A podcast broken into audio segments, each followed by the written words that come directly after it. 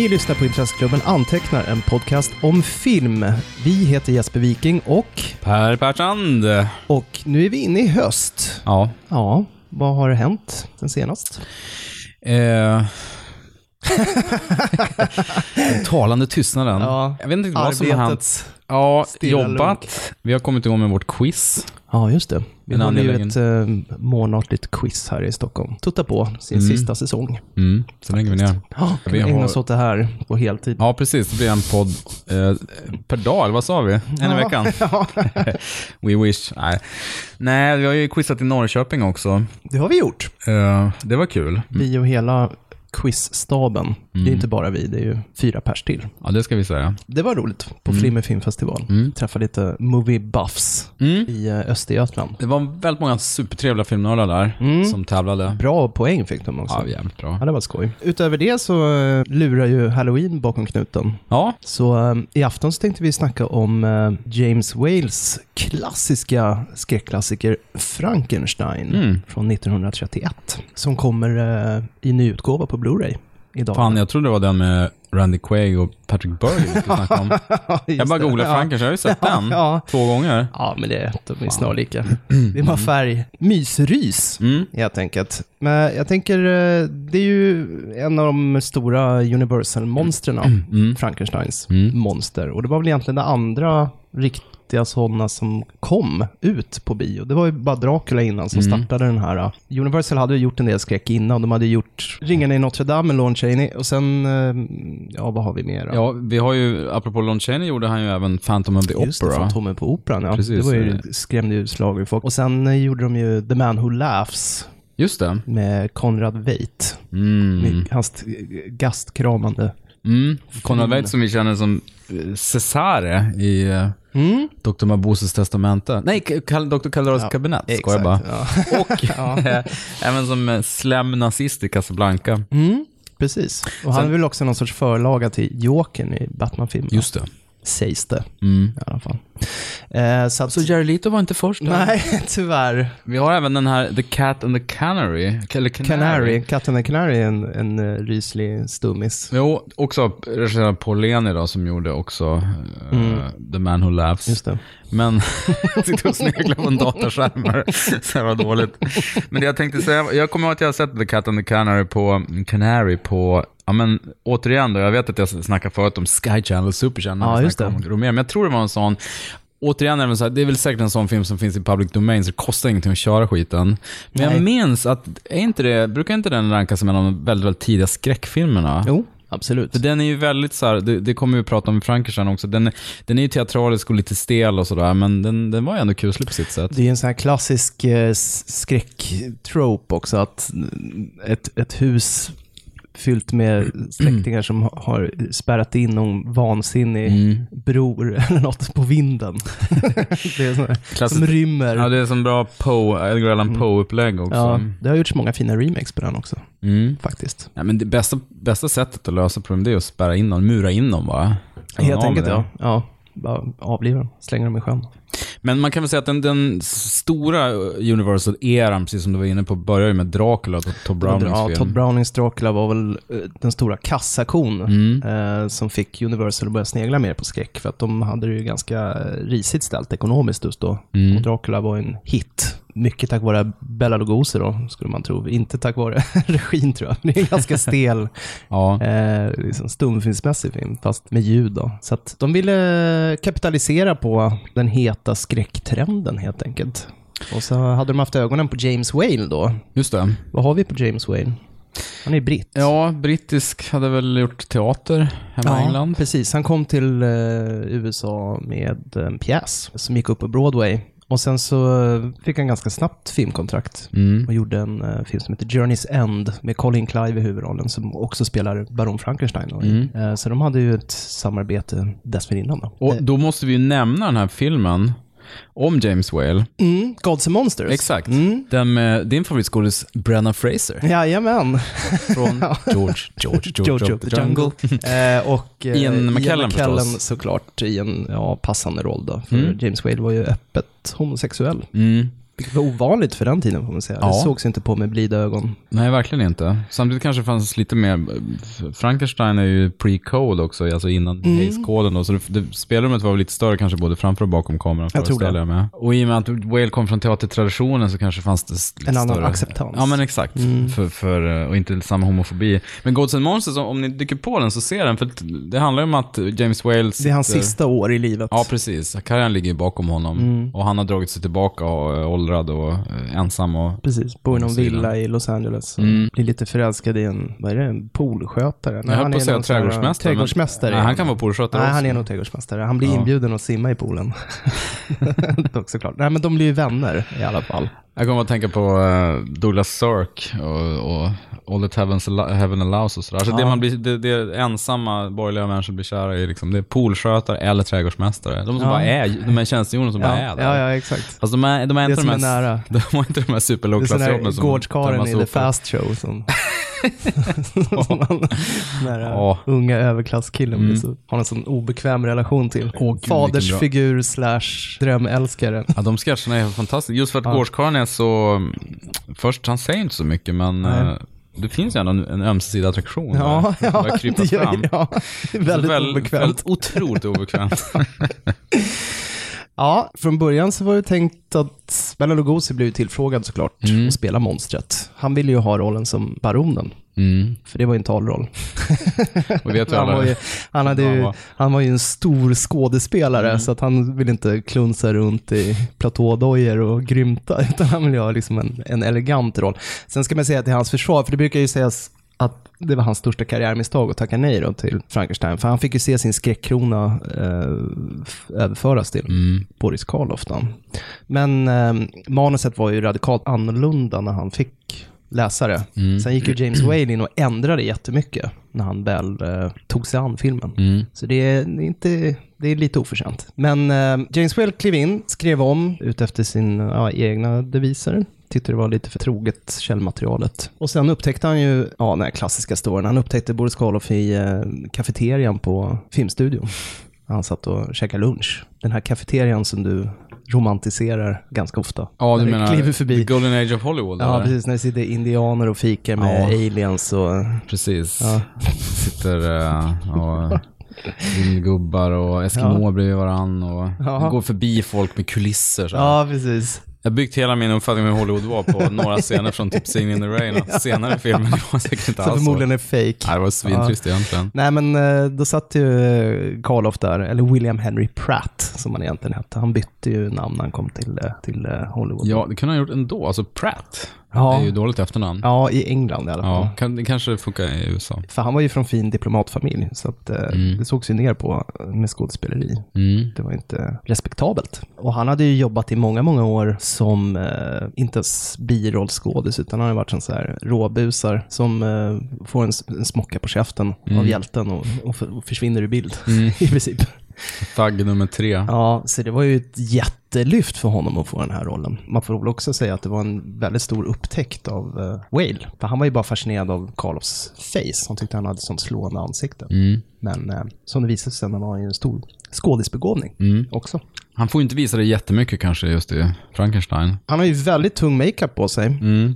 Och han ger ju ändå monstret en själ. Absolut, det gör han. Den här uh, makeup-effekten av uh, den legendariska Jack Pierce tog var det, sju timmar per dag att applicera.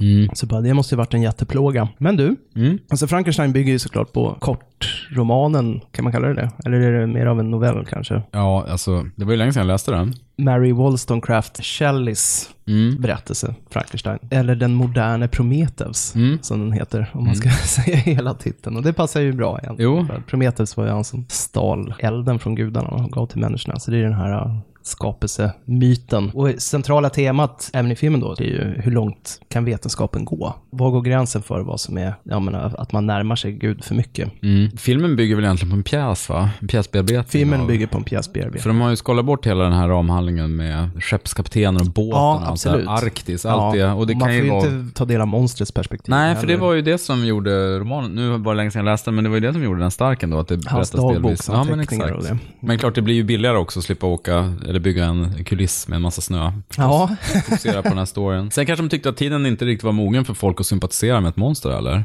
så kan det vara. Apropå Shelley, det är ju en ruggig diss, noterar du det i förtexterna? Det står i förtexterna, based on the novel by Mrs. Percy B. Shelley. Ja, det är det verkligen står en inte diss. Mary Shelley Nej. i Wollstonecraft, utan hon är fru, Hon är fru Percy. Percy. det är så otroligt. Som markering, så vi ska verkligen klämma dit. Äh, märkligt egentligen. Nej men du, om vi går in i själva filmen då. Mm. When this dead hand moves, the monster created by a man they called Mad is turned loose to strike terror into the hearts of men.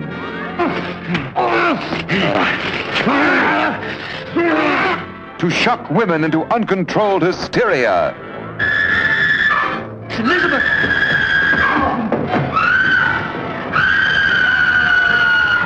to prey upon the innocence of children. This is the story you've heard about, talked about. The spine-tingling, blood-chilling story that stuns your emotions. Frankenstein. Den öppnar ju på kanske en av filmhistoriens deppigaste kyrkogårdar. Mm. Oerhört eh, tung svart himmel, förvridna kors och Ja, det är demoniska eh, dödsänglar och han har ju verkligen vräkt på här, Wayne. Ja, verkligen. Men vi kan, vi kan nämna, innan, innan den scenen så är det så här introsnack. Ja, just det, lite varnings... Ja, eh, lite så här. Hitchcock-stämning att Mm. Nu ska ni få se fittare. något riktigt läskigt. Ja. Eh, Ni som, eh, och han, den, den på, på annonsören, precis som alla andra i filmen, pratar ju ganska högtravande brittiska engelska. Mm. Det ska ju föreställa vara någon slags by i något odefinierat. Jag läste det här på internet. In a European village. Ja, Ja, vad i USA- landet Europa. Exakt, vad USA menar inte riktigt. Nej men det är så här klassiker. Lite så eh, som vi pratar om Afrika idag. Typ. Ja, herregud, man är ju lika dålig själv. Ja, ja. Nej, men lite, lite som det här, eh, to avoid from fainting, keep repeating to yourself, it's only a movie, it's only a movie. Ja, jag har ja, exakt. gånger ändå. Jaga upp folk lite grann. Men sen, jag tycker nästan det är den, förutom finalen som är rafflande, så är det en av de absolut bästa scenerna i filmen, just den här kyrkogårdsscenen. Ja, Det är ju uppenbart gjort i studio då. Mm, det är det. Man har ju ekot, allt som händer ekar jättemycket. väldigt ödesmättat. Väldigt men det är så väldigt snyggt, lite expressionist-feeling också. Väldigt expressionistiskt. korsen står snett och hur, Ja. hur människorna rör sig i rummet. För övriga filmer är ganska stagey, alltså så ganska stel. Inte så Mm. mycket spännande kamerarörelser och så. Men just den här är, är, känns väldigt väluttänkt. Kan ju också vara att man hade en begränsad studioområde till sitt förfogande. Liksom. Men Mm. jag tänkte på det, hur de rör sig liksom, och hur Colin Clive ligger och spanar. Å ena sidan är det uppenbart liksom, sagt att det är en studio, å andra sidan är det väldigt snyggt gjort. allting. Väldigt snyggt gjort. Det ska ju kännas lite klaustrofobiskt också Mm, det, det funkar Där. ju. De rör sig verkligen så här förvridet, nästan Mm. som, ja men just som stumfilmsskådisar. Mm. Så här överdrivna, nästan vanskapta, som hur de rör sig mot den här graven och ska gräva upp dem. Det är ju då Baron Frankenstein, det var ju Colin Clive då som Wayne Mm. hade jobbat med tidigare, som spelar den här galne baronen då som är besatt av att Mm. eh, skapa liv. Och hans assistent, Fritz, en, en grotesk Kompetente Fritz. Ja, verkligen psykotisk i Fritz. Spelad av Dwight Fry som var med i uh, Dracula också. Mm. Ja, han Spelar, är så, eh, Renfield. Han är så otroligt bra i Dracula. Mm. Har den här, Här han, får har han ju, kanske gå loss lite mer. Ja, jo. Spela över lite mer. han har ju det maniska i Dracula. Mm. Eh, det är lite sinnessjuka. Här är han ju någon slags, han har ju lyte då, han är, han är Puckelrygg. puckelrygg och lite sned i kroppen som sagt. Mm. Går runt med en sån här halvmeter lång käpp. Mm. Men det är roligt för att det har blivit sådana tropes det här med den galna vetenskapsmannen och, och den inkompetenta assistenten. Alltså, Det föddes ju här då givetvis. Mm. Ja. Men när man ser filmen nu så blir man nästan full garv över Ja, hur många gånger man sett det parodieras av Gene Wilder och av jättemånga andra. ja, exakt. Och bybor med höga Ja, och sånt som är snabba ja. på att bara- Ja, det har ju parodierats hur mycket som helst. Mm. Jag tycker det säger något om filmen ändå, att man inte blir full i fniss när man ser det i Frankenstein. Nej? Nej, men det är ju väldigt eh, gruvlig inledning. Har, man förstår att de har stulit kroppar då i Mm. flera månader säkert för att försöka lappa ihop den perfekta kroppen då. Jo, han börjar bli otålig, Fra- Dr. Frankenstein då. hetsig. Mm. Nu måste det funka. Ja. Och lite därför han är så het på gröten, att han inte riktigt eh, har faktakollat. Han litar ju lite för, för mycket på Fritz. Fritz lyckas ju ta fel hjärna då i den här berömda scenen. Ja, just det. Han tappar den normala hjärnan. Jag älskar de här burkarna. Normal, Normal- brain. Abnormal brain. Han tar den normala, rycker till och har ett ljud, tappar den och sen äh, bara grabbar tag i den. Men det där är typiskt så här stresssyndrom också, att man liksom Mm. tappar ett känsla för detaljerna. Jag tror det är därför han litar på Fritz så mycket. Han, han orkar inte ha koll på honom. Han bara precis. delegerar hoppas på att det blir rätt. Blev det inte det, eller det blev en psykotisk hjärna. Det blir lite fel. Men det är, det är ju ganska, det är som du säger, det är ganska magstarkt ändå att de sitter och spanar på den här dödgrävaren som tar verkligen god tid på sig. Mm, ett par timmar ser det ut Ja, jag gillar hans utstuderade sätt att ta av sig kepan, torka av sig Tor- När han är pipan. tänder han pipan, han står Ja. tänder tändstickan på klacken så Ja, här, som de gjorde i cowboyfilmer. När han äntligen har gått många timmar senare. gjort. Ja, precis. Då Mm. kan han gå hem till frugan. Då smyger de fram, gräver upp då, Ja. Liket, släppa med det. det. Det vi får se av resten av den här byn, det finns ju ändå någon slags, även om befolkningen är väldigt, de är lika snabba som i Simpsons eller Springfield på att bli en mobb. Ja, så det är ändå verkligen. ganska civiliserat. Men det är ändå ett mycket. samhälle där man, man hänger folk på gallbacken och lämnar liket hängande bara. Ja. För de, de bara, ja, vi tar det här liket som hänger här. Mm. Så det är ganska barbariskt ändå på något sätt. För att varna kringströvande från Mm. och göra någonting opassligt. Inte betala. Stjäla höns och sånt. Ja, men, precis. Nej men härnäst, då är man ju i, i Frankensteins labb. Mm. Eh, och apropå tysk expressionism, där har du ju verkligen, Ja. alltså alla vinklar är ju helt sneda och väldigt Det är så snyggt, liksom, alltså. dramatiska skuggor. Och, Mm. Men hans fästmö då, spelad av May Clark, i en väldigt tråkig roll, Väldigt väl säga. tråkig. Är ju orolig för mm, sin fästmans hälsa, för att Mm. han svarar väl knappt på brev. Så att hon bestämmer sig för att hon ska ta sig dit och kolla vad han Mm. håller på med. Han håller på och tjatar om att han, hans forskning måste komma före giftermål och allting. Mm. Och drar med sig, ja vad är det, någon kompis till bägge två va? Ja, en, Ja. Manlig, en manlig vän. Och baronens pappa då, som är en, en kverulant comic relief-figur som försöker eh, få sig en klämtare hela tiden. då kommer de dit precis kvällen då väderförhållandena är optimala då för det här eh, Mm. livsgivande experimentet. Så han är så upphetsad eh, uppe i sitt labb över att eh, nu ska han äntligen få väcka liv i, den här varelsen. Stormen kommer nå sin absoluta peak om 15 minuter och vad Mm. händer då? Knack på dörren. så oerhört irriterande. Han blir skitsur såklart i en, eh, en scen som är uppenbart gjord med någon sorts humor Mm. faktiskt. Han försöker skicka iväg Fritz och schasa bort dem, men det funkar ju inte då. Så att eh, han släpper in dem ytterst motvilligt och de tar del av monstrets eh, uppvaknande Mm. i en oerhört dramatisk Ja, det är ju en Scen. otroligt mäktig scen. han har ju också det här, apropå eh, tropes då, det här eh, labbet med Tesla coils Det är ju och... verkligen liksom urlabbet, Ja. urscenen för alla galna vetenskapsmän i alla Ja. filmer Ja. sen dess. Så det är ju så otroligt uh, trendsättande Ja. hur de har skildrat det. Det är ju mäktigt, just det, att är superhögt tak, de här sneda vinklarna, hur de hissar upp den här båren som monstret ligger på, eller kroppen Mm, ligger på, mm. så att han ska komma upp och få elds... eh, säkert uh, har det här inspirerat tillbaka till framtiden till exempel också där. Det tror jag och knallen krävs för att skapa energi Ja. och ge liv åt uh, Emilio i det här fallet. Nej, då blir man också lite full i fniss just för att man har sett det så många gånger. Ja. Men det är så jäkla mäktigt skildrat. Ja, det är det. Baronen håller ju också ett brandtal då inför sina skeptiska Mm. vittnen då. Mm. Kring hur, hur oerhört viktigt det han håller på med här. Det är ingen film som lirar med undertext eller nyanser Nej, den är direkt. ganska eh, pang på rödbetan. För att innan den här scenen, mellan kyrkogården och ehm, att de verkligen är i labbet och ska sätta igång just den här ödesdigra kvällen, så det är en jättelång förklaringsscen där det sitter andra forskare och förklarar vad Viktor Frankenstein håller på med. Ja, hans mentor. Ja, den scenen, den scenen är ju väldigt lång och jag kommer tänka på den här för, förklaringsscenen i Psycho också när man ska beskriva, det är det här forskningen går ut på, han håller på med det här. Som att publiken var lite för dum för att fatta, det är väldigt mycket Ja. exposition. Klart, det är ju ganska häpnadsväckande att en människa leker gud då, förstås, Ja. det är ju total hybris, men han säger ju det också rent ut. How I know what it feels like to be God. Ja, just det. Victor då. Maniskt utbrott. Mm, precis. där, Colin Clive. Ja, Han gör en, gör en Otroligt bra. It's alive. Oh, it's alive. It's alive. It's alive. It's alive. Oh, in the name of God. Now I know what it feels like to be God. Jag kör en sån här scene by scene Ja. av den här filmen. Slog det mig nu. Apropå det du sa var att ehm, Boris Karloff då, eller Pratt var ju brittisk, eh, liksom, eh, riktig, en riktig skådis. Det är något Mm. med hans hand, alltså hans hand, det är det första man ser liksom. Han pillar på handen och Ja. är nöjd över ärret att han sitter ihop kroppsdelar och Ja. så här. Det är något med, för den här handen, vi- den återkommer ju. När han börjar komma till liv, då är det ofta att handen börjar röra sig så här. Ja. Det är också ett grepp liksom. Mm. Men det är, Exakt, gotta hand it to you. Mm. Nej men ge mig ett handtag va.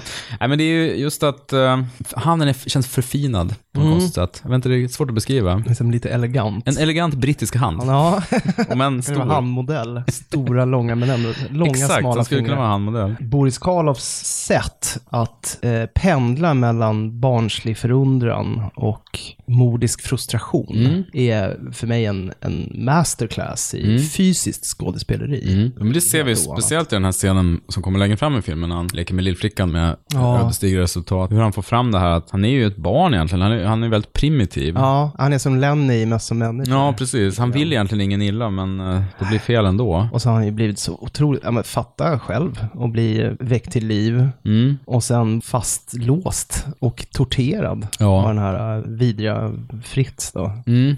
Och en sak jag tänkte på var att den här flickan är ju tillräckligt gammal för att hon borde bli rädd när hon ser Frankensteins monster. Ja. Ändå en stor kar med väldigt speciellt huvud Mm. och mörka ögon. Men hon är så här, ska vi leka?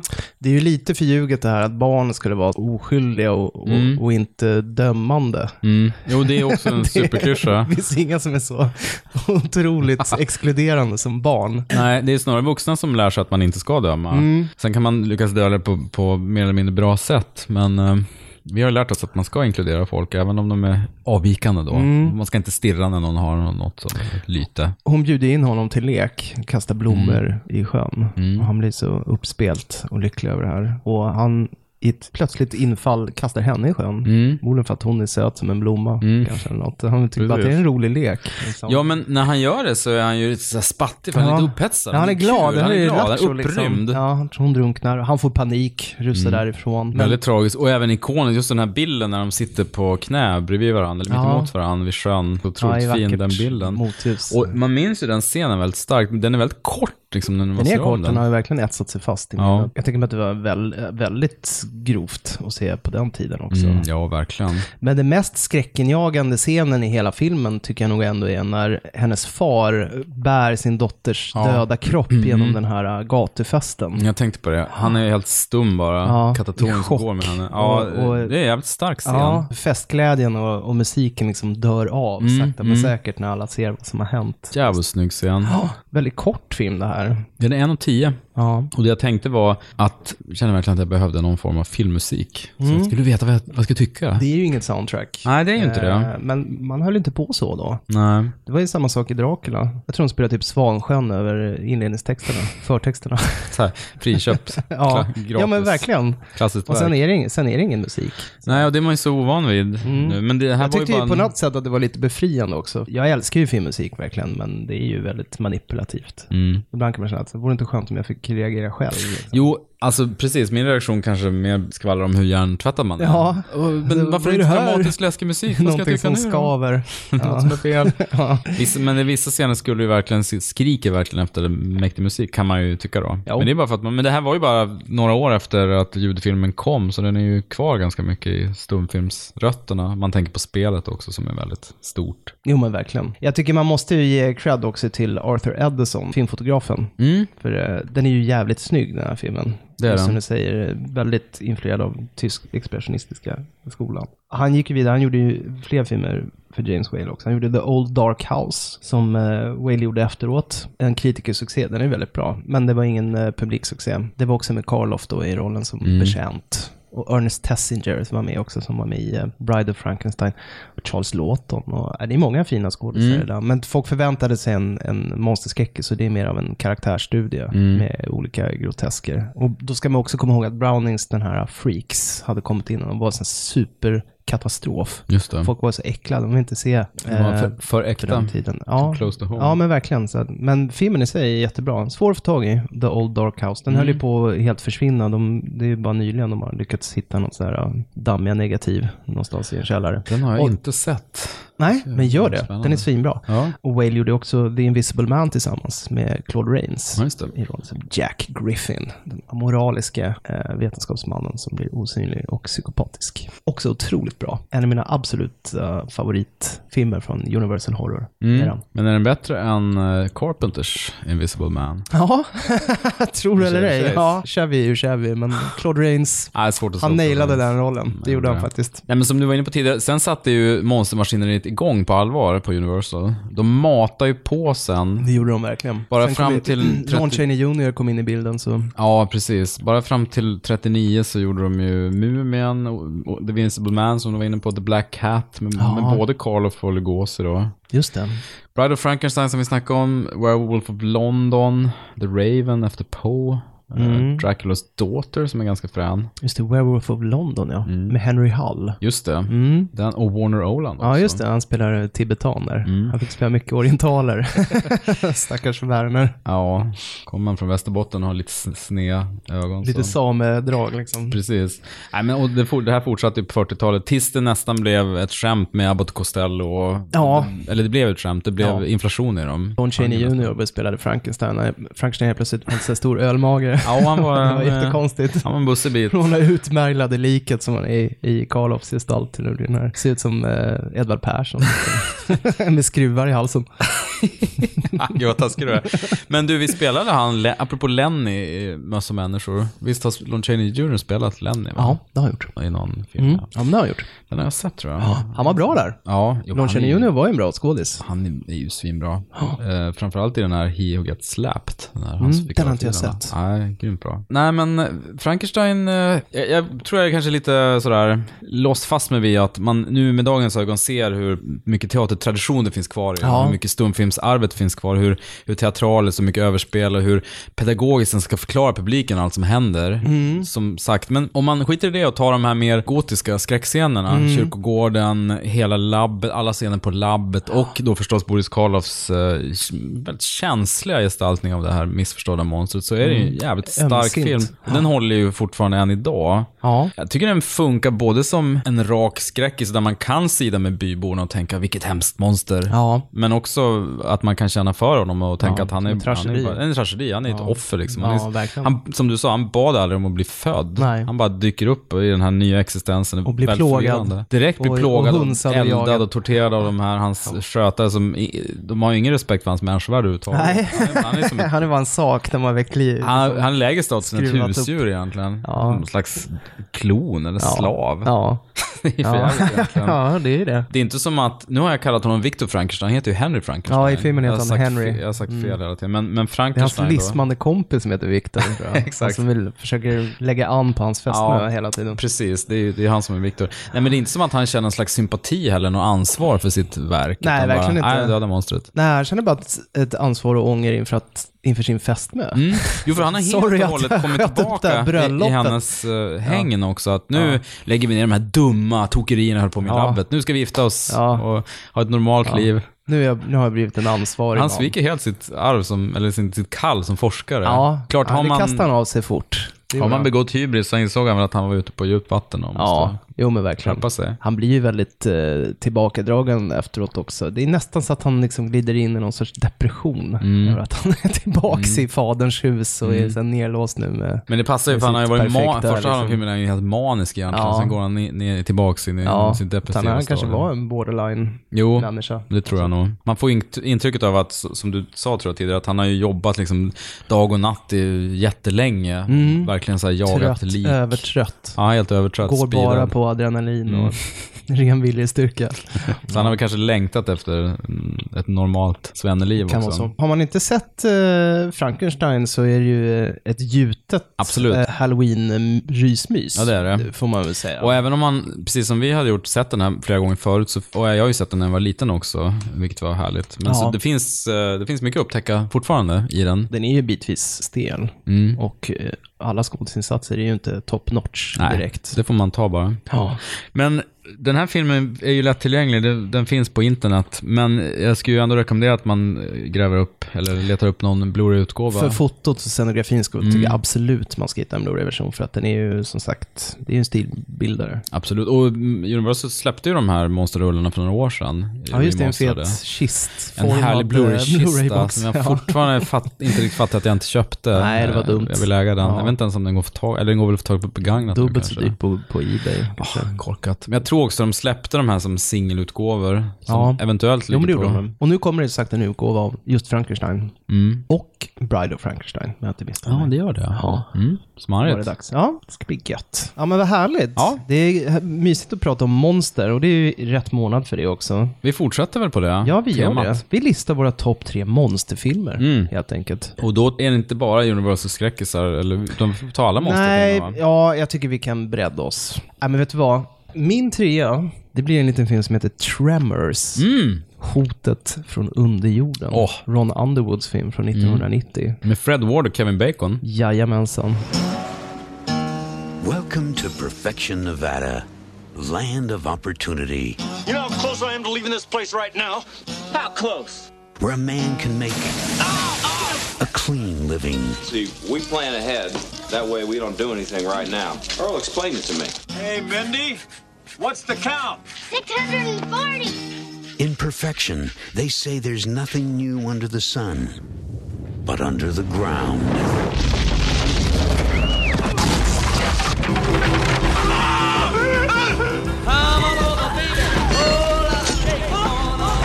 Creatures are absolutely unprecedented.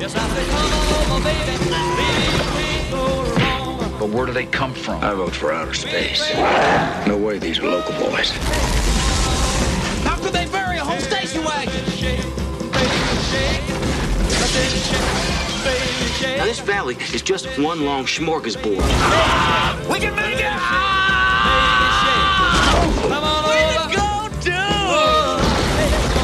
That's how they get you. They're under the ground. Ron Underwood, han var ju, han har ju haft en, en kortlivad filmkarriär. Han gjorde Tremors, sen gick han vidare och gjorde City Slickers. Jakten på det försvunna leendet. Jag hade hoppats att du skulle säga undertiteln där. Daniel Stern har vi ju snackat om Ja. eh, i förra ja, podden. i Han och hennes systrar. Mm. Och, eh, vad heter hon? Billy... Bill Crystal? Billy Crystal, tack. Herregud. och eh, sen gjorde han ju Mighty Joe Young. Charlize Mm. Theron och Bill Mm. Paxton, den här Gorilla. Ja, det är en remake på, Mighty Joe Young som... eh, just det, Showsack och Ja. King Kong-killarnas eh, film. Mm. Här kommer en synopsis från svenska Wikipedia. Filmen utspelar sig i, lilla, i den lilla förfallande gruvbyn Perfection i Nevada. Byn innehåller 14 invånare, varav två är hantlangarna Earl Bassett, Fred Ward, och Valentine Val McKee, Kevin Bacon. Hantlangare. Ja. Bra namn, Ja, eller bra faktiskt. ord egentligen. När de två, efter år av diversarbetande, kommer till insikt att de måste lämna Perfection för att komma någonstans i världen, drabbas byn av en serie mystiska händelser. En flock får slaktas, byns läkare med fru försvinner och den besökande seismologistudenten Rhonda LeBeck, spelas av Finn Carter, får mystiska utslag på sina seismometrar. Den enda vägen mellan Perfection och det närmaste större samhället, Bixby, blockeras av ett jordskalv. Edgar Deems, byns fyllo, återfinns uppe i ett kraftledningstorn, död av uttorkning. Burt... Väldigt långt synopsis där. Burt och Heather Gummer, spelade av Michael Gross och Reba McIntyre, är två vapentokiga och något paranoida överlevnadsfantaster som slagit sig ner i Perfection. De anser att tillräcklig vapenkraft kan hantera alla problem. Punkt. Det, det var slut på synopsis där. Jättekonstigt. Märkligt. Nej, men man får ju följa Valen Earl då, de här två diversarbetarna i den här uh, lilla hålan i ett oerhört isolerat uh, samhälle ute i Nevadaöknen. Som har fått nog av sitt uh, påvra liv och uh, vill uh, ta sig vidare. Men hindras då såklart av att det lilla samhället attackeras av enorma underjordiska maskmonster, eller någon sorts iglar som gräver sig fram under jorden. Det här är ju i princip Jaws då, fast på torra land. Vilket är den briljanta twisten. Nu är du inte ens säker på land längre. Precis. Det här var ju en eh, kulthit. Den har ju fått fyra uppföljare också. Och så gick det ju en tv-serie 2003, Ja. baserad på samma koncept. Gick inte fullt så bra dock. Vi ska väl nämna att Alla uppföljare har inte gått på bio. Nej, det har de inte Ingen gjort. Det har varit bio, kan en direkt säga. DVD. Och man kan Ja. också tillägga att Bacon och Fred Ward har inte varit med i dem heller. Men visst har Michael Gross varit med Michael i Gross var ju med och de som minns kanske vet att han var ju pappa till Michael J. Fox i Mm. Fem i familjen och jättegullig. Här spelar han ju en, en fullständigt bindgalen survivalist-kille. Det kan ju vara ett skäl till att han har, att, att han tagit den här rollen flera gånger. Ja, att för han att slippa vara Ja, typecastad. men exakt. Sätta Mm. bort den här, den här helylle-stämpeln. Spela en riktigt rabiat vapengalning. Han och hans hustru, som spelas av Reba McIntyre, då, country and western-stjärnan, har då ett betongfort i det här lilla samhället där de bara samlar vapen och ammunition och, och konserver med bönor. Allt för att överleva tredje världskriget. Vilket kommer väl till pass då i den här B-filmshommagen egentligen, som Mm. överträffar sina inspirationskällor. För den är oerhört eh, lustfylld. Mm. Smittsamt entusiastisk skrev jag eh, när jag såg om den. Den är oerhört rolig att titta på. Den är så charmig. Jättecharmig. Alltså det är ett felfritt manus med rapp dialog. Det är ett perfekt tempo. Mm. En och en halv timme av eh, rafflande set pieces. Mm. Där de tar sig ur en problematisk situation för att helt plötsligt ska det uppstå en, en ny. Så Mm. det blir aldrig någon avkoppling. De måste hela tiden överleva, överleva, Mm. överleva. Det är en ren fröjd att se dem faktiskt. Det märks att de, de hade oerhört kul när de gjorde den, Mm. helt enkelt. Det är otroligt bra kemi också mellan Kevin Bacon och Fred Ward. De funkar jättebra tillsammans. De är ju två snälla good old boys som drömmer om ett bättre liv än att sova bak i sin Ja, men de, pickup truck. de är ju smarta. Det är Ja, mest de är att smarta. de är, De är gatusmarta. De är lite, de är lite oföretagsamma. De är ju slackers egentligen. De tar sig liksom Ja. inte vidare. Ja, och lite så här hämmad av sin uppväxt kanske Mm. och, sin miljö. Det var en ren njutning faktiskt att se om den. Jag tänkte så här, jag minns den så bra, men var den verkligen det? Och det Mm. var den. Den var bättre faktiskt när jag kom ihåg. Ja, men för några år sedan var det här en sån film som gick på tv lite då och då. Det gör den inte längre. Det var Mm. Skitlänge sedan den gick på tv. Nej, det är väl så. Och jag har inte sett den på flera år. Jag blir väldigt sugen på att se om den Kan varmt rekommendera Ja, vem den som helst att se om eh, hotet från underjorden. Det är ju tacksamt den här belägringstematiken som vi återkommer nästan alltid till Carpenter och Attack Mm. mot polisstation 13. Just att, Hur ska jag ta mig från det här hustaket till min bil som står och 50 det du säger, meter bort? å ena sidan, som du sa till, å ena sidan är de i en ändlös öken. Mm. Å andra sidan så kan de bara röra sig på ett visst antal kvadratmeter, för de här Ja. maskerna kan dyka upp när som helst. Mm. Och det ska vi tillägga att det är bra specialeffekter också. Jättebra. De är ju Bra de är väldesignade, man köper på någon nivå, eller tillräckligt bra i alla fall, hur de rör sig under jorden. Alltså Mm. det, allting är väldigt snyggt, proffsigt genomfört. Bitvis som Spielberg i sina bästa Mm. stunder i alla setups. Så, nej, jättefint.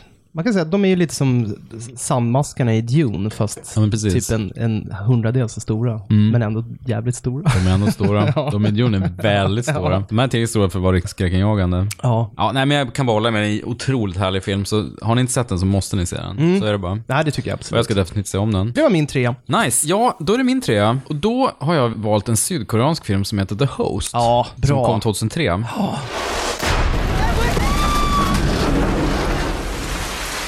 I've heard your daughter's still alive. Why didn't you contact the police or the military, a human rights organization, something?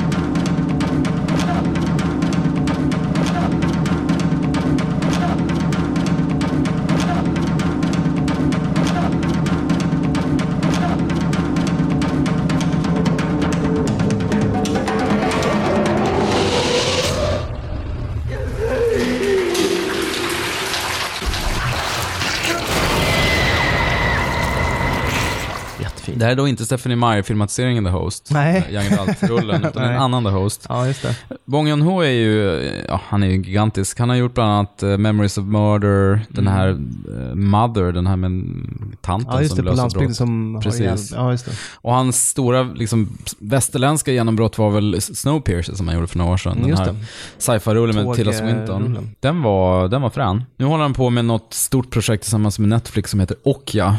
Mm. Eh, actionrulle med uh, Tilda Swinton, Jake Gyllenhaal, Paul Dano, Steven Yeun, Yeun från eh, Walking Dead. Ja, tung skådislista. Ja, det kan bli riktigt smarrigt. Kreddig. Mm. The Host är ju då, det som är fascinerande med den är att om man nu ska vara lite sådär, man ska förenkla lite. I västerlandet, nu ska jag vara så att jag kan någonting med asiatiska, det kan jag verkligen inte. börjar pontifikera här. det jag skulle säga var att mixen mellan att göra en läskig skräckfilm som samtidigt innehåller ömsinta familjeskildringar och en massa slapstick-humor. Ja. Det är väldigt svårt att få till det. Det är jävligt svårt. Och ofta när man sågar en film är det för att man tycker tonen, den hittar inte rätt ton liksom. Nej. Det, det funkar här. Ja, det gör kan det. ju också vara så för att om man ska vara väldigt så här, generaliserande så asiatiska filmer kan vara gränsöverskridande på sätt vi inte är vana att se riktigt, där vi är vana vid ett västerländskt berättarsätt. Om man, vi snackade om The Grudge för några poddar sedan, Ja, det. med, med Daniel DeGrado som var en av Mm. mina absolut läskigaste. Och när man ser filmer så vill man gärna ha någon slags narrativ båge, man är van att det ska finnas någon slags ark eller det ska finnas en struktur i dem. Mm. The Host, häng, eller The Grudge hänger jag inte alls med vet, Man vet inte vad, vilka scener som äger rum i nutid eller dåtid eller vilken ordning det händer eller vem man, vilka det är. Man blandar ihop människorna. Men det funkar ändå, den är svinläskig. Ska jag läsa synopsis från, Ja, men gör det så får jag babbla vidare sen. Kör synopsis. från svenska Wikipedia? Ja, perfekt. The Host är en sydkoreansk skräckfilm från 2006 regisserad av John Ho Bong. Handlingen går ut på att ett laboratorium släpper ut kemikalier i en flod, vilket skapar ett muterat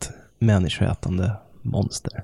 Punkt. Det var kort och koncist. Väldigt kort. Dessutom var den från 2006 och inte 2003. Nej. Som jag enligt uppgift sa alldeles nyss. Det som är fränt med den här, alltså, vi, vi följer den här pappan vars eh, dotter blir tagen av monstret.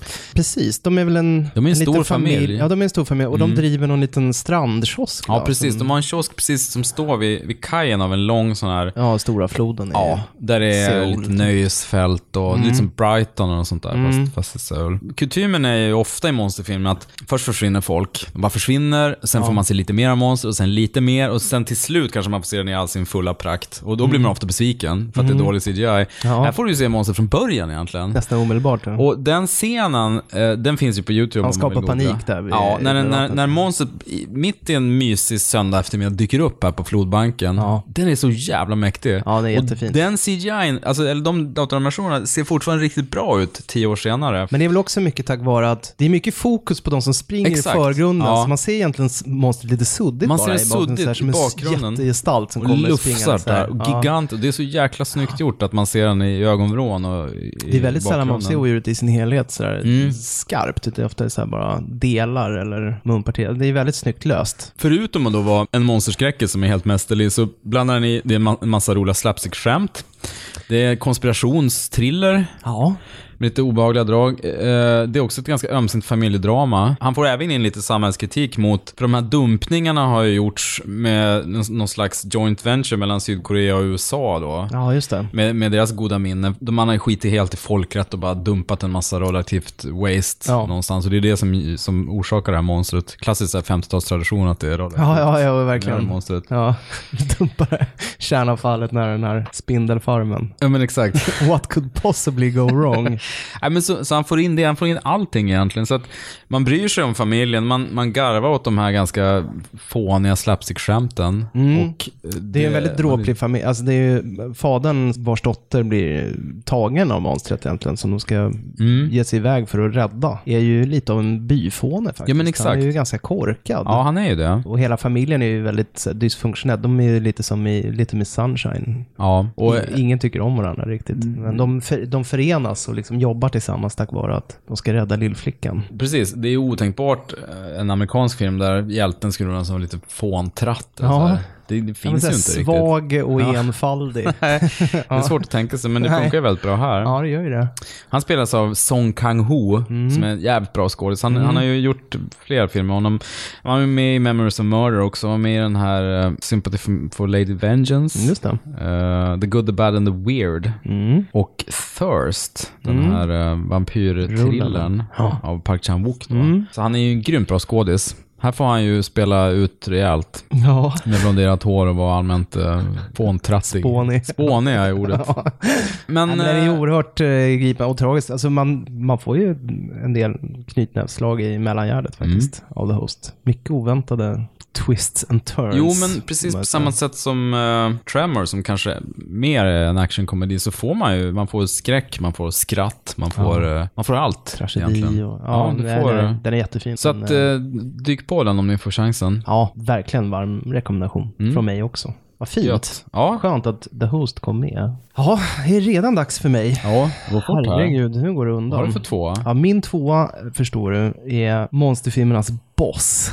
Och det är King Kong. Åh. Alltså från 1933. Peter då. Jackson? Nej, inte Peter Jackson. Nej, utan eh, Originalet? Cooper och Shodzaks eh, version. Och inte 1933. Gillermins version från 76? Nej, Nähä. inte Gillerms version. Trots att Jessica Lange är med. Mm, och precis. Jeff Bridges. Och Jeff Bridges. Som är, och Charles Grodin, som är också. Just det, Tre han är med. skådisar som jag älskar.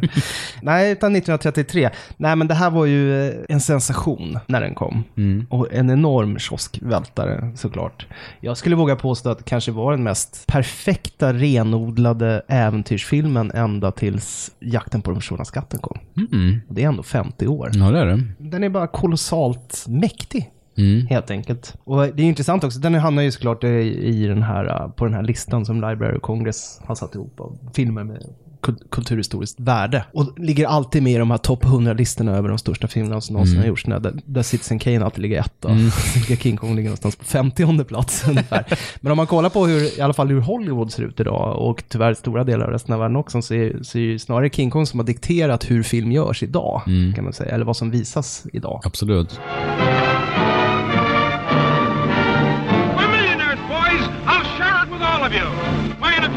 Up in lights on Broadway.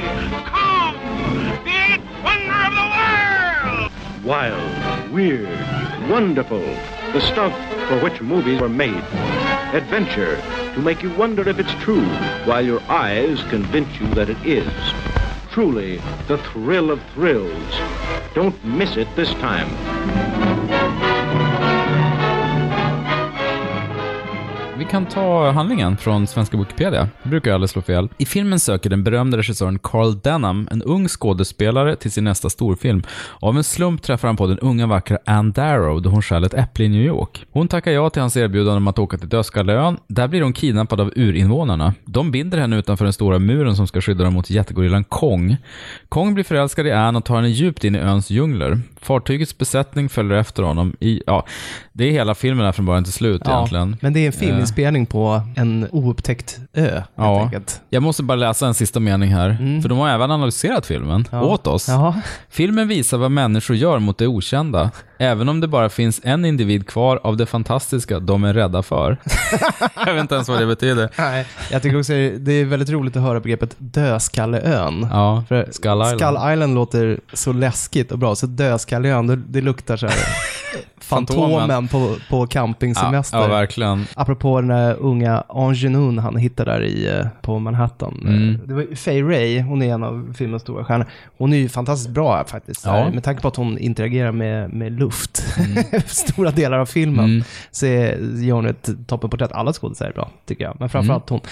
Men de riktiga stjärnorna i filmen, det är ju såklart Willis H. O'Brien, alltså eh, Ray Harryhausens mentor, Mm. som stod för eh, stop motion-effekterna. Ja. För att King Kong, fantastiskt animerat Mm. för den tiden. Det var ju inte bara King Kong, utan det var ju alla de här dinosaurierna också som Mm. är på ön. Och Mm. Bortklippt scen faktiskt så blev de ju också angripna av eh, jättespindlar och sånt där. Sånt som Peter Jackson faktiskt hade med sen i sin Just det. uppföljare. Mm. Man tänker ofta på de här pålarna och så tänker man Mm. på Empire State Building och sådär. Men just dinosauriescenen är bland de coolaste i hela filmen ju. Absolut. Säger man King Kong, då tänker folk automatiskt på skyskrapan. Mm. När han hänger där och, och, och gör, gör rallarsvingar mot eh, de här flygplanen. Men det finns ju många väldigt starka, bland annat den här scenen när han har tagit uh, Miss Darrow där och sjömännen jagar honom och de springer över den här stocken över det här stupet. Ja, just det. Han börjar Mm, skaka mm, loss och de mm. dinglar Mm. så här panikartat och, och försöker klamra sig fast. Det är ju jättedramatisk Mm, otroligt bra scen. En annan också när de ska ta sig över en, en sjö och bygger en flotte. Och den är så här, täckt i dimma och så, så blir de attackerade av ett sjöodjur som bara tonar fram som en så här,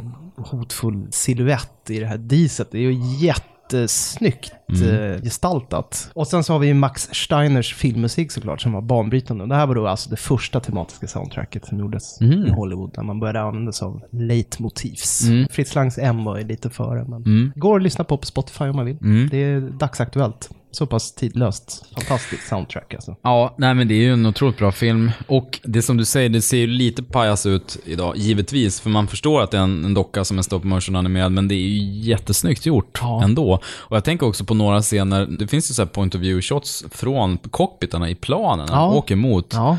Det är så jävligt snyggt. Mm, skitsnyggt är det. Otroligt snyggt. Och när han är i, eh, i New York där och härjar Mm. och är utanför hotellrums fönstret. Mm. När han sticker in handen där, som ja. kommer in där. Är uff, också en ikonisk scen. Fint. Jag har sett, eh, jag har sett den där eh, dockan på riktigt. Har inte sagt det? Nej. Det gjordes ju tre, fyra stycken tror jag, men en av dem såg jag på eh, det numera nedlagda filmmuseet i London. Oh. MoMI hette det va? Museum Mm. of Moving Image. S. Moving Images. Nice. Ja, det var, det var mäktigt faktiskt. Mm. Det var ganska maläten vid det här laget. Man glömt lägga den i det, men det var malkulor. ändå stort att se den, liksom, Mm. för att det är en sån ikonisk, ett vidunder, Mm. som man ser i verkligheten som en typ ja, så här 30 centimeter hög skumgummi. Det är kul för att när monstret är helbild och rör sig, då, då märker man att det är, det är många tummar som har varit där, för att det rör sig ju i pälsen det också. ripplar, Det en sån här ripplar. rippereffekt för att ge intryck av att pälsen Ja, det är meningen också. kanske, Ja, det är meningen. S- Samtidigt när handen kommer, går den så här mrr, jättestel så här, Ja, som en robothand, så att det är lite motsägelsefullt. Ja. Trähand, så här kattla liksom, som så rullas in. Ja, men det ser Ja. Men jag kommer ihåg hur, även under min barndom, hur hypad den här filmen var. Mm. För det var ju en sån film som gick på tv och SVT. Ja, det var en typisk söndagsfilm Ja, på SVT. och jag minns upphetsningen innan jag skulle få se den första gången. Den var rätt nerklippt ändå. Var För det, var en, ja, för det var en sån här grej jag också tänkte komma till, som bidrar till att den känns så pass dagsaktuell, trots de här uh, stop motion-effekterna, är att den är så kompromisslöst våldsam. Mm. den här är ju också gjord pre-code, så Just det. den är ju bitvis riktigt brutal alltså. När han går loss i den här uh, infödingsbyn där i, på Skull Island och trampar folk, verkligen som sån här Monty Python-fot som bara kommer så här. Folk blir liksom mos. Och han biter ju av huvudet på folk och eh, kastar ett helt tunnelbanetåg åt helvete. Alltså det är ju Just det. riktigt, riktigt eh, brutalt. Så att, eh, ja, det är blodisande än idag. Det är ett riktigt raffel. Jo, nej men, men ska vi säga något om de två remakesarna? Den från 76 och den av Peter Jackson. Den från 76 är ju väldigt, den är ju väldigt 70-talig. Jo. Helt enkelt. Det är mycket softad lins, det är Jessica Lang på soligt akterdäck. Mm. Jeff Bridges flummar runt som någon sorts fotograf. Ja, ser ut som en lång surfare nästan. Ja, blond och solbränd. Härlig. En Han är free, riktigt free härlig. spirit. ja. Jo, men den är verkligen ett barn. Varken förr eller senare har en hjälte i en actionrulle varit så flummig egentligen. Nej. Det är en sån dyr påkostad. Mm. Det- Nej, men han är som en ung Jeff Lebowski. Han är ju det. Det jag kommer ihåg från den var ju att han, han står på World Trade Center och med typ en fot på varje. Så det är väl helikopter istället för flygplan? Mm, nu var det helikoptrar. Jetflygplan. Jetflygplan, ja. Nej, nej, vänta, det var nog bara helikopter. Jetflygplan var det på affischen i alla fall, kommer jag ihåg. Ja, var det är det. missvisande. på affischen. Jag Inte säga- jättemycket, alltså Jag egentligen ska nästan säga att monstret var bättre, för då var det en Nej. a man in a suit. Precis, verkligen. men det ser man ju väldigt tydligt. Det är inte den här känslan av mäktighet ändå, Nej. som faktiskt finns mer i 1933-versionen. Nej. Så specialeffekterna är på ett sätt sämre 76. Men där öste de ju verkligen på. Det var ju där de, det som Peter Jackson gick till överdrift med ännu mer sen. Det var ju den här, uh, den slutade ju, alla tre filmerna slutade med den här uh, ikoniska repliken. Just det. It was beauty, kill the beast. Och, Tack för eh, att ni förklarar filmen för oss. Ja. Det hade vi inte förstått. Nej, precis. Det var så svårtolkat. Det är som i, i slutet på Blade Runner när, de, när man hör eh, Deckards voiceover förklara varför Mm. eh, Roy Batty räddade hans liv. Mm. Man så här, tack för den. Och sabbar den här fina stunden. eh, nej men i 76-versionen då är det ganska långa scener när han badar Jessica Lange i ett vattenfall där och, och typ blåser hennes Just hår det. torrt med, med sin andedräkt. Det, Det blir kom- väldigt mycket som en sån här konstig Vella-reklam. Ja, nu minns jag. För jag minns ju också att den filmen som många andra hade jag först läst parodin på i Mad, farsans Mad liksom. Ja, King Sen Dong. såg man filmen. Ja. Ding dong. Precis. Och då är det ju så här, Sergio Aragones gjorde flera uppslag om den, men då är det så att han blåser henne ren och hon bara Ja, gör en grimas och ger honom en tandborste så Ja, här. exakt, ja. För han så usel andedräkt. Mm. Jag tror också öppet, han... öppet mål på det skämtet. Ja, verkligen. Det var ju väldigt uppenbart. Också Som att han det mesta är ner... mad på kan man säga. ja. Jag läste Nej. ju Cracked, det var ju liksom lite mera nisch. Ja, det var mer cutting edge. Ja. Mad var mer Nej, jag läste Mad. medelklass. Nej, men det är också någon scen när han sätter en fot, trycker ner fötterna i så här uh, tunnelbanetåg och åker skri- rullskridskor. Ja, ja, såklart. Ja. Ja. Och Peter Jacksons är en sån här film man har sett lite då och då. Den är inte så bra. Den är för lång. Den är för lång. Den är för lång. Han dröjer kvar. Han är lite för kär i sina miljöer som han skapar. Mm. Det är ju det väldigt länge på sk- Det jag gillar med den är ju, jag tycker det är bra casting och det är rätt roliga skådisar. Mm, Andy är. Serkis som saltar Andy Och med- Naomi Watts är ju alltid Hon är alltid bra. Och sen Colin Hanks Ja, just är med. Och sen har du ju han från, uh, gud vad heter han? Friday Night Lights och Sup- Super 8-skådisen. Kyle Chandler heter han. Två förnamn efter varandra också. Ja, återigen namnproblematiken. Chandler Kyle. Ja. Det är ett bra såpoperanamn. Ja, ja men uh, otroligt bra tvåa givetvis. Ja, King nej, Kong men är ju det, ett alltså, måste. King Kong, vi kan inte prata topp tre monsterfilm utan att ha med King Nej. Kong. Den måste vara med. Så är det bara.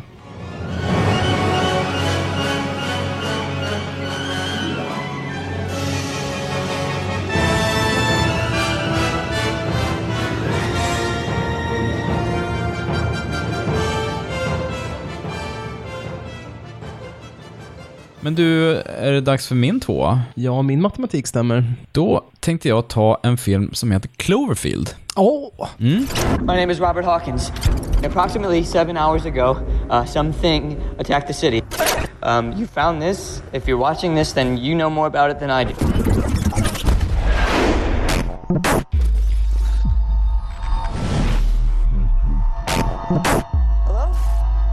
Beth? Beth, where are you? Okay, we cannot go into the middle of the city. We gotta get out of here. There's nothing you can do for now. Do you know what that thing is? Whatever it is, it's winning. Do you have any idea what's out there? I don't care what's out there. Listen to me. She's dying. Turn that camera.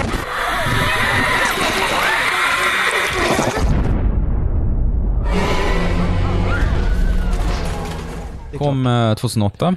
Det här är ju då en JJ Abrams epigon vid namn Matt Reeves som gjorde den. Mm, han har inte gjort så mycket mer va? Nej, han, Han har gjorde, inte var det? Carrie-remaken han gjorde? Med Chloe Moretz? Ah, du tänker på Låt den inte komma in-remaken Ja, det var va? Låt den inte komma in. Ja, Också- Let me in var det också. Chloe Moretz, Ja, det var det. Det var ju helt nära. Skräck-remake med Ja. Chloe Moretz. Ja, och nu ska hon spela i remaken av Suspiria. Just det, jag läste det. Ja. Hon är en ny Scream Queen nu. Ja, det är hon fan. Nej, men han gjorde ju Dawn of the Planet of the Apes, eh, som var riktigt bra. Vänta nu, var det den första nya? Nej, det, Första rebooten, var det den andra? det är tvåan, ja precis. När Caesar och hans Ehm, eh, armé Ja, eh, och som var, tar sig in i stan. egentligen var mäktigare. Den Rise of the Planet of the Apes, det var den här britt, Rupert Wyatt som gjorde den. Ja, just det, så var det. Och Matt Reeves ska även göra War for the Planet of the Apes som kommer nästa år. Mm. Ja, nu har vi ett nytt franchise vi ska mjölka. mjölka, mjölka, mjölka. Snark. Men det är kul för Circus såklart. Ja, det är det ju. Cloverfield är ju en found footage-film. Och 2008 var väl det lite fräscht, det Mm. begreppet. Ska vi dra handlingen lite snabbt? Mm. Handlingen är kort. Filmen följer fem unga personer under en avskedsfest på Manhattan i New York samtidigt som staden attackeras av ett stort monster. Ja, det var det. Nej, men det... det Det är väl typ hela storyn. Ja, egentligen. Och egentligen. Egentligen är det ju så. Ja. Och den var ju, jag kommer ihåg att den var ganska hypad för att den har ju inga riktigt kända skådisar i sig. Och det var nästan, Nej. nästan som att du befinner dig på en fest, det är på riktigt så här. Och sen så händer det grejer utanför festen då och det visar att he, hela stan blir belägrad av det här monstret då. Just det, precis. Det var ju bara okända skådespelare då egentligen. Mm. Det är ju nästan ingen av de här som har blivit ett namn heller sen. Det närmsta man kommer är väl TJ Miller som är med i Silicon Valley. Ja, precis. Men Lizzie Kaplan är ju ganska känd ändå. Ja, jo det är hon ju. Också mest tv egentligen va? Ja, jo men nu är det väl den Masters här... Sex, eh, va? exakt. Mm. Som är hennes stora claim to fame. Nej men precis, manus skrevs ju då av eh, Drew Goddard som är en sån här gammal JJ Abrams alumni. Mm. Som skrivit Buffy och Lost och massa av de här serierna. De är lite kluster av härliga nördar som gör Ja. de här mysiga filmerna. Det är svårt det här med found footage för att det bygger ju på att någon ska alltid hålla inne räckknappen på en kamera. Ja. Även när man har panik och bara kuta, kuta, okej.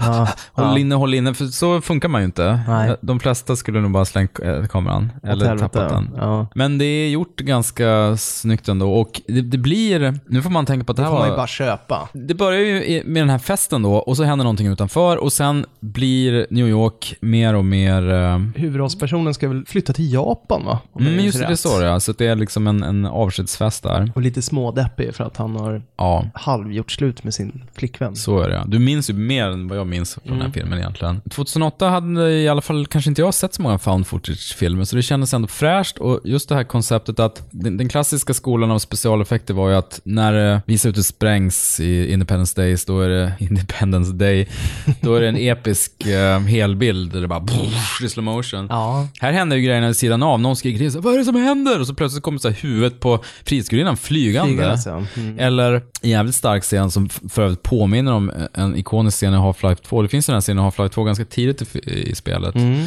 När man, man är på de här gatorna som liknar någon Östeuropa eller någonting. Ja, och sen så tittar man till vänster, precis när man kommer mot ett prång så ser man i en tvärgata hur det går förbi en helt armé, Mm. liksom stora monster och marktrupper och så här, bara så här, långt borta. Ja, det är så i jävla... periferin, liksom. I periferin. Och, och, och för spelet har varit ganska otydligt i vilken värld man är igen. Det var tomma Ja. gator liksom. Mm. Det är så jävla starkt. Jag, tycker, jag kommer ihåg att det var på samma sätt med Cloverfield. Att, Någonting händer där borta. Ja, Man någonting är- händer. Man fick en riktig inblick i Ja, men jag tror det är den scenen när någon skriker och så plötsligt så skjuter de ju med RPGs tror jag mot det här monstret. Mm, Folk tror att det är en terroristattack. Ja, och det är så snyggt. Det finns en annan scen där en av personerna, för att de blir ju smittade då. Ja, det här Eh, jättemonstret släpper ifrån sig såna här uh, små kvalster Så som det, ja. springer runt och, Små mökar. och biter folk Ja. så att de, man börjar kräkas blod. Och ja. Myndighetens sätt att hantera det, det är ju helt enkelt bara att döda de som blivit smittade. Ja. För att, så, i en jättestark scen så tar de ju åt sidan en av huvudpersonerna och bara sätter en kula i huvudet på henne bakom en, liksom ett, ett skydd. Draperi, ett draperi, ja. ja. Och de andra bara, vad fan som hände? Eftersom allting sker i Ja, ni, realtid. ni kan inte hjälpa henne. Det Nej, precis. liksom det. bara Gå vidare, gå vidare. Mm. Lita på oss. Det kommer jag ihåg var väldigt Ja, starkt. Jo, det är väldigt brutalt. Men samtidigt så är det ganska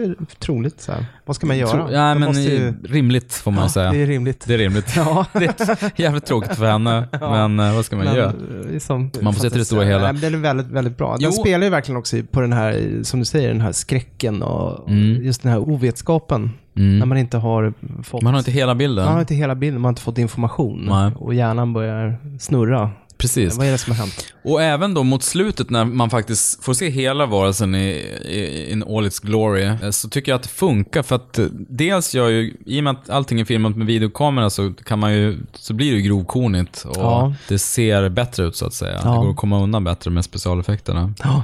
Det var den snyggt designad det här monstret också.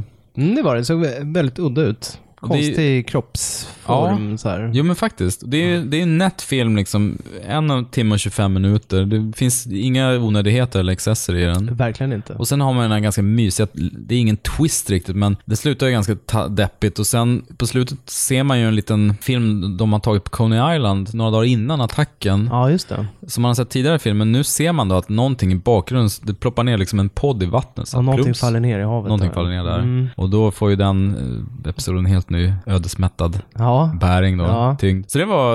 Det där är ju Abrams call sign på något sätt. Ja, att han vill lämna jo. små frågetecken överallt. Mm. Så. På gott och ont kan man ju säga. Jäckaren. Ja, jo precis. Inte känd för att leverera svaren, men bra på att ställa frågorna. Verkligen inte. Ja. Kan ju vara en av de bästa found footage-filmerna. Mm. Det är den och första Blair Witch kanske. Ja, ja men jag tror nästan det. Jag vet inte riktigt vilka det är. Jag har sett några ganska kassa found Alltså är man eh, skräckfilmsfan, då har man ju trålat sig igenom ganska mycket found footage. Eftersom det är så ekonomiskt fördelaktigt att göra den typen av Mm. film så har det gjorts hyfsat många. Ja, men till och med Romero sjönk ut, eller sjönk, men han gjorde den Dire of the Dead som var found footage. Det kommer en ny Blair Witch-film nu, eller går nu på bio, så att genren är ju Ja, inte död. sequel, du var inne på den, precis. De, ja, med uppdaterat va? De håller på med drönare och sånt där också. Mm. Såklart. Ja, herregud. Det är det hetaste. Vilken halloween-rulle var det när de skulle spela in någon sån här reality tv-show i uh, Michael Myers-huset? Var det sjuan eller? Det var någon av de här. Oj. Var det den som kom efter Halloween H2? Ja, det kom efter H20. H20 ja. H2 är ju vatten, H20 Ja. var det. ja, den, den eh, som skulle bli liksom den nya H, den var ju rätt okej. Jamie Lee Curtis var ju med igen då. I H20 ja. Ja. Ja, det var, det var en värdig avslutning Jo. på original. Ja, precis. Det som kom innan var ju jätte, nästan parodiskt dåligt. Med Paul Rudd och sexan var Curse och Michael Myers. Var det inte så? Ja, just det. Jo, nej men jag har faktiskt, jag har glömt ganska mycket av den som kom efter, eh, alltså åttan då, men det var ju så. Ja, hur som helst, Cloverfield. Ja, Eh, det blir min tvåa. Det är värdigt. Det är det. Jag tycker den funkar på alla nivåer. Mm. Den är toppen. Det är bara TJ Millers rollfigur som är lite irriterande Mm, mm. kanske. Nu är det dags för din etta Jesper. Ja, det är ju det. Vad månne det blir för monsterrulle? Om jag säger 1993, vad säger du då? Mm. Om jag säger Steven Spielberg 1993, vad säger du då? Ja, då är det antingen Schindler's list. Ja. eller... Också en monsterfilm ja, det kan man... faktiskt. Ja, där fick du till det. Ja. Men det är inte Amon Götz, eh, eller vad Nej. heter. Utan det, kan det vara Jurassic Det Park? är Jurassic Park. Men du, det är min etta också. Ja, det är det. Ja, det är fan det. Jag misstänkte Ja, faktiskt det ja. eftersom jo, eh, jag kunde liksom inte låta bli. du, eh, du nynnar på ledmotivet nästan dagligen. Den har väl tänt mångas flamma för film. Mm. Mm-hmm. There it is. Welcome to Jurassic Park. We've made living biological attractions so astounding that they'll capture the imagination of the entire planet. The most phenomenal discovery of our time How'd you do this? becomes the greatest adventure of all time. Can I touch it? Sure. Universal Pictures presents You feel that? Hold on to your butts. a Steven Spielberg film. Fences are failing all over the park. Yeah, that's nice. Gotta go. An adventure Look out! Down! I can't get Jurassic Park back online. 65 million years in the making. Jurassic Park.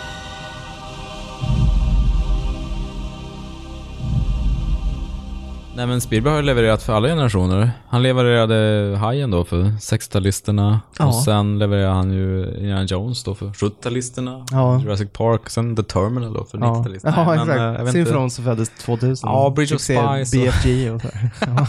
Ja, det skulle vara den då. Eller vad heter den här järnhästen? Nej, vad heter den eh, hästen? Järnhästen? Nej, Järnhästen, nej, Vad hette- The War Horse. The War Horse, krigshästen. Det var inte det Fredrik. Reinfeldt som var krigshästen. Stridshingsten. ja, stridshingsten, så var det. Nej men, eh, Behöver vi dra handlingen till Jurassic Park? Vi konstaterar återigen svenska Wikipedia, eh, denna källa till visdom. Företaget i Indien har lyckats framställa utdöda dinosaurier av urgammalt DNA på en fiktiv ö som heter Isla Nublar. Vad fiktiv ö? Alltså i filmen finns ju ön. på Costa Rica, utanför Costa Rica. Ja, men varför måste de skriva att, alltså, Den fiktiva ön. det fiktiva företaget i Indien har lyckats, alltså he- allting är ju fiktivt. Det är klart. Ja, skitsamma. En park ska öppnas på ön som kallas Jurassic Park. Bra mening. Mm. Innan, innan parken ska öppnas bjuder ägaren John Hammond, Richard Attenborough, in tre dinosaurieexperter. Dr. Alan Grant, Sam Neill förstås, Dr. Ellie Sattler, Laura Dern och Dr. Ian Malcolm, Jeff Goldblum, till ön. Efter ett besök i parkens högkvarter får de tre experterna åka på en attraktion i en jeep. Men på vägen tillbaka till kvarteret till kvarteret. Kvarteret. Bryts strömmen till elstängseln och som omger dinosaurierna och det är parkens säkerhetsrådgivare Dennis Nedry, spelad av eh, Newman, Ja, Wayne Knight, som visar sig Wayne ligga Knight, bakom. ja. Han är nämligen en spion som försöker stjäla dinosauriernas DNA från högkvarteret.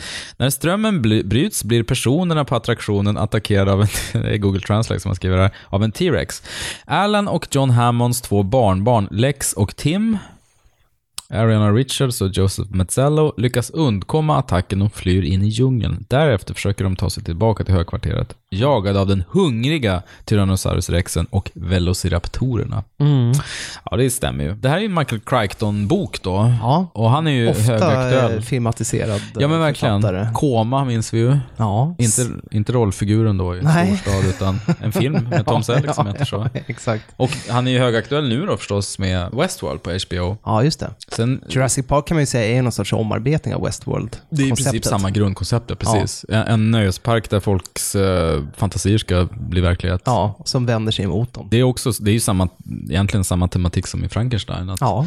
John Hammond försöker ju leka gud. Han är ju en Frankenstein-personlighet. Ganska tydliga paralleller där och han får ju sitt straff också. Vad har Crichton mer fått filmatiserat? Sphere? Ja. Med Dustin Hoffman och Sharon Stone. Ja, den ja. Flummiga undervattens eh, sci-fi. Och sen eh, den här med Michael eh, Douglas när han blir sextrackad av David Ja, Moore. Det är dis, också... Disclosure. Ja, Disclosure.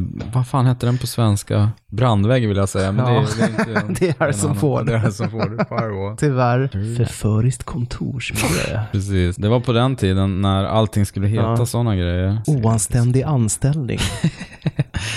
Exakt. Skamgrepp heter den.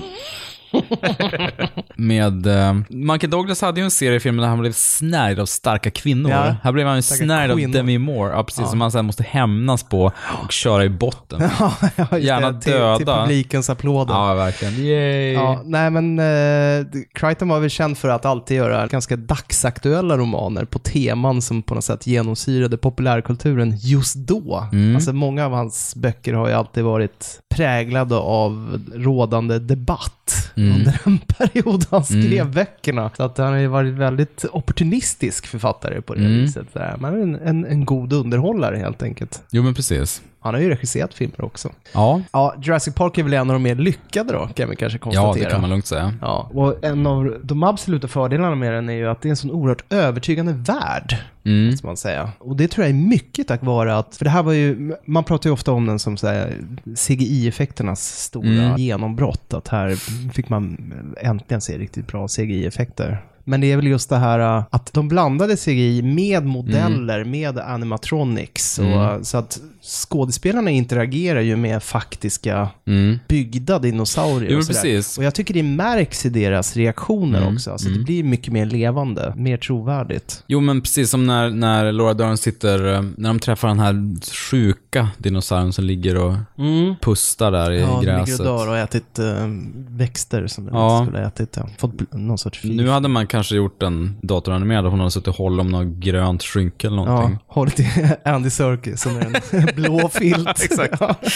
Precis. Det var, här var innan Andy Serkis hade inskrivit kontraktet för alla nya filmer, att det Ja, var precis. han som skulle vara. Jag ska spela skiten ur den här uh, brontosaurusen. Jag ska få en Oscar, någon gång ska de inrätta en Oscar för mig. Absolut, så är det ju. Och, och det var ju liksom Phil Tippett och de här absolut Stan bästa. Winston Ja. eh, och hans stall som gjorde Mm. mycket fina... Men det var Phil Tippett också va? Ja, ja, för fan. Eh, Eller? Visst var det det? Jag hade väl inte fel va? Nej men det jag tänkte säga var, det är ju en grej, alltså specialeffekterna är så bländande och jag minns ju vilken hype det var och hur, eh, jag tycker fortfarande jag får lite gåshud den här första scenen, du vet när, när kameran åker upp så här, när de är på ängen och man ser de här eh, långhalsade. Ja, men de bromsar in i den här jeepen. Varje gång de introduceras så, så får man först se en människas ansiktsreaktion. Ja, just det. Och det där, de bromsar in med jeepen och Mm. Laura Dern tittar ditåt och Mm. bara gapar och så här vrider, Han vrider på huvudet. Sam Neils Ja. huvud så, här, eh, så att han ska se det här Mm. underverket. Och, och så är det konsekvent genom hela filmen. Så Mm. fort man ser en ny dinosaurie så är det alltid först någons ansiktsuttryck. Så. Man sugs in liksom Mm. i, i rollfigurens eh, känslor. Ja, det är ju det är snyggt gjort det, det är så, det är smarta karaktärer för att de två forskarna, dels är de så här superskill, de kan allt om dinosaurier, men Mm. samtidigt är de ett ställföreträdande publik eftersom deras barndomsdröm, de har ju drömt och alltid få, det är det de lever för, att träffa, liksom se en riktig dinosaur. Ja. Så de förvandlas ju till häpna femåringar när de Ja. ser de här och blir Ja. så överlyckliga. Precis som publiken blir. Precis som publiken filmen. blir, ja. Jag känner mig som fem sex år gammal när jag Ja. ser den. Det är ju... Jo men faktiskt, man får ju också gåshud när T-Rexen dyker upp första gången. alltså, det är ju genuint läskigt. Ja, verkligen. Och Så- den här ikoniska scenen med det här uh, vibrerande vattenmuggen Ja. på uh, Ja. instrumentpanelen i bilen. Det är så snyggt hur han bygger upp det. Men överhuvudtaget, filmen är ju verkligen en masterclass i bara hur man, ja, men hur man eh, introducerar karaktärer till exempel. Det är ju David Cope som har, Köpp, som har skrivit manus. Han Ja, har just jobbat med, han skriver ju Harry Potter och jobbar mycket med, med Spielberg förut också. Han är ju skilled alltså. Han har en känsla för det där. Den enda svaga, ännu en rollfigur som jag verkligen tycker om, det är ju Jeff Goldblums uh, kaosteori uh, Mm. matematiker, som, vars rollfigur egentligen mest känns som att han ska bara så här, lufsa runt och säga så här kvasi-vetenskapliga grejer. Jo, ganska fånig figur egentligen. Ja, egentligen är det ju det. Och det är så, en annan skådis hade kanske misslyckats Ja. utan att man kan bli arg för att det är en ganska kastskriven roll egentligen. Ja, egentligen är det det. Är som att han så tydligt ska kontrastera mot eh, Sam Neils mer handfasta, rejäla, down to Ja, sammanbitna. Men de, de vill ju göra Ian Malcolm till en slags rockstar, men det blir ju töntigt på något sätt. läderkavaj Ja, men jag vet. tonade briller. Ja, jo. Mossigt Ja. på något Men sätt. castingmässigt perfekt, Mm. får man väl säga. Och Sam Neill är också som, som gjord för att spela Dr. Alan Grant. Ja, ja, han är ju svinbra. Ja, men nästan eh, Asperger-mässiga forskaren. Mm. Den stora liksom, upptäckten i filmen är väl att han inser sina latenta faderskapsegenskaper Mm. när han... Det är hans stora ark som han genomgår. ja, det är Det är- hans story arc. Ja, det är så töntigt. Ja. Men det är fint, men det är, eh, det, det är ju två running jokes. Det ena är att han är så oteknisk hela tiden. Mm. Och det är han Ja, ju just det. Han är ju någon sorts ludit. Ja. Han hatar Ja, precis. teknologi. Allting går fel så när han ska hålla på. Han han är mer Mm. jordnära. Tacke vet jag en kniv. Sweat of my brow. Ja, precis. Äkta australiensare. Och sen det andra är då att han, han känner sig valhänt och besvärad när det är barn med. Mm. Medan på slutet är han ju en riktigt härlig farsa inspel då. Mm. Ja men som du sa, bra pappamaterial inför framtiden. Ganska oväntat castingbeslut, det är ändå Laura Dern måste jag Mm. säga. För att även om hon gör rollen, vet du, hon är inte självklar i den typen av roll. Nej. Men hon, jag tycker ändå hon ger henne en nerv som gör att rollfiguren som i, i grund och botten, i- likt många andra, inte är så intressant, blir väldigt minnesvärd. Mm, mm. Hon är ju så fantastisk skådis. Ja men hon är ju det.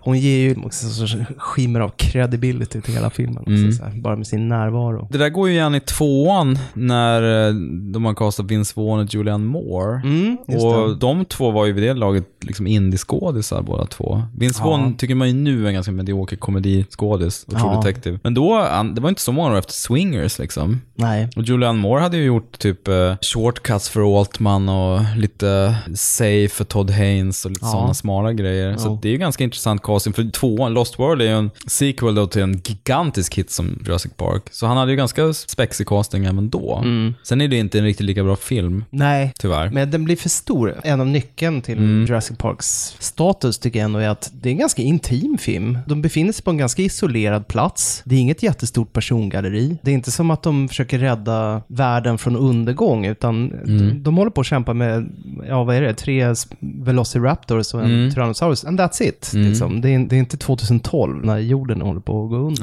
Nej, det är sant. när eh, The Lost World, då går de ju loss i New York, alltså, Precis. det finns tusentals potentiella offer. Och, Mm. jag- det, det finns något i den här liksom, intimiteten som gör att den funkar så himla bra. Jo, men det är klassiska sequel-grejen att det ska bli större också. Större och mäktigare och- måste ja. flytta till en annan location och sådär också. Men Julia Moore, hon- alltså hon har ju ändå gått obefläckad genom hela sin karriär. Hon, Ja, hon ja. har inte gjort en enda dålig film. Alltså, Hannibal kanske då. Ja, den var kass. Hon ersatte Jodie Foster. Ja, men hon är ju var aldrig ju dålig. bra. Ja, hon är men alltid Det bra. var bara filmen som inte var Det så är bra. helt sjukt hur bra hon är. Vince Vaughn, mm, har varit lite svajigare. Ja. Jag tänkte på honom. Hur som helst, Ja, Jurassic Park då. Bisats. Wayne Knight då, a.k.a. Newman från Seinfeld, är ju fantastiskt bra. Jaha. I den här rollen. Han är så lustfylld, han är så nöjd. Ja. När han, han han, njuter av att vara ett as. ja, exakt. Och ja, men 93, begreppet hacker var ju lite nytt då också. Mm. I hate this hacker shit. Precis. Samuel ja, just Samuel. Jackson ja. Han var verkligen irriterande. Alltså någon som kan mer om datorer än alla andra. Lägger in så störande giffar och animationer.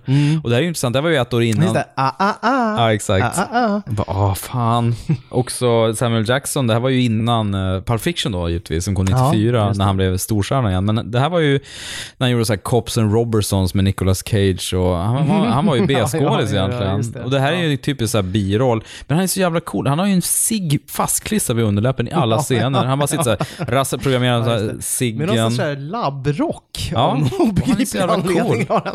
Ja, men också, han, han är väl med i tre scener och sen blir han ju uppäten. Man får inte ens se det. Det är hans arm bara som Ja, plötsligt ja, ja, hänger på något jävla sätt. Precis. Men han, han gör ju den rollen väldigt bra. Men jag gillar också, återigen, bara avslutningsvis vad gäller Wayne Knight, han, när han har mötet med den här agenten från konkurrerande, konkurrerande han är industrispion kan man säga. precis. Han får den här ra- raklöde flaskan han ska lägga. Han blir så upphetsad så här, att det är så Mm, agentgrejer. Det är James Bond. Ja, exakt. Han har James Bond-fantasier. Och han har ju så jävla bra dödsscen också, Wayne Knight, ute i spöregnet i jeepen där. han kraschar med bilen. Ja, med de här små som spottar i ansiktet först innan Mm. de käkar upp Åh, vad gulliga ni är. Ja, precis. Grymt bra. Det är många sådana här ikoniska scener. Bland annat när han, den här uh, företagsadvokaten som Mm. gömmer sig på toaletten där när T-rexen kommer Ja, precis. och väggarna faller ner. Och han Ja. ser så jävla, har någon sett mer hjälplös ut på film? Nej, det är Än synd. när han sitter där på toalettskålen med en T-rex hängandes över sig. Det är faktiskt otroligt jobbigt. Det kommer ett Jobbig 20 stämning. meter högt monster. Jag gömmer mig på det här lilla utedasset. Ja. Och så gör de ju en Det är stor grej av att irrationell han... grej man gör när man Ja, är ja. panikslagen. Men han får ju sitt straff för att han lämnar barnen då givetvis. Mm. Hon säger till och med så här, he left us, he left us, säger Ariana Richards Ja, då. just det. Ja, just det. Vi måste bli påminna om att just det, man lämnar inte barn. Nej. Då dör man. Viktigt budskap. Viktigt budskap. Det gör ju inte Sam Neill. Jag tycker det var synd i, i Jurassic World att de liksom, för det man känner sig otrolig korvfest, Jurassic World. De Mm. till och med liksom strök flickebarnet och ersatte det med två, Ja, det blev två pojkar. ja. Så det var bara killar, killar, Ja, men det killar, var ju killar. det. Här har du ju både Laura Dern och Ariana Richards då. Två, Mm. två bra kvinnoroller. Man kan inte säga att Jurassic Park var en feministisk film, även om det görs vissa sådana här klumpiga poänger på så här manlig 40-talistvis. Så här, Typ Spielberg känner att nu, det här, är- det här är jag- drabbande statements. nu vet folk Mm, var, jag, var jag står. Jo. Men eh, om det finns någon feministikon i, i Jurassic Park så är det väl eh, Tyrannosaurien. Jo, det ju är liksom sant. Den riktiga Mm. gestalten man ska titta på.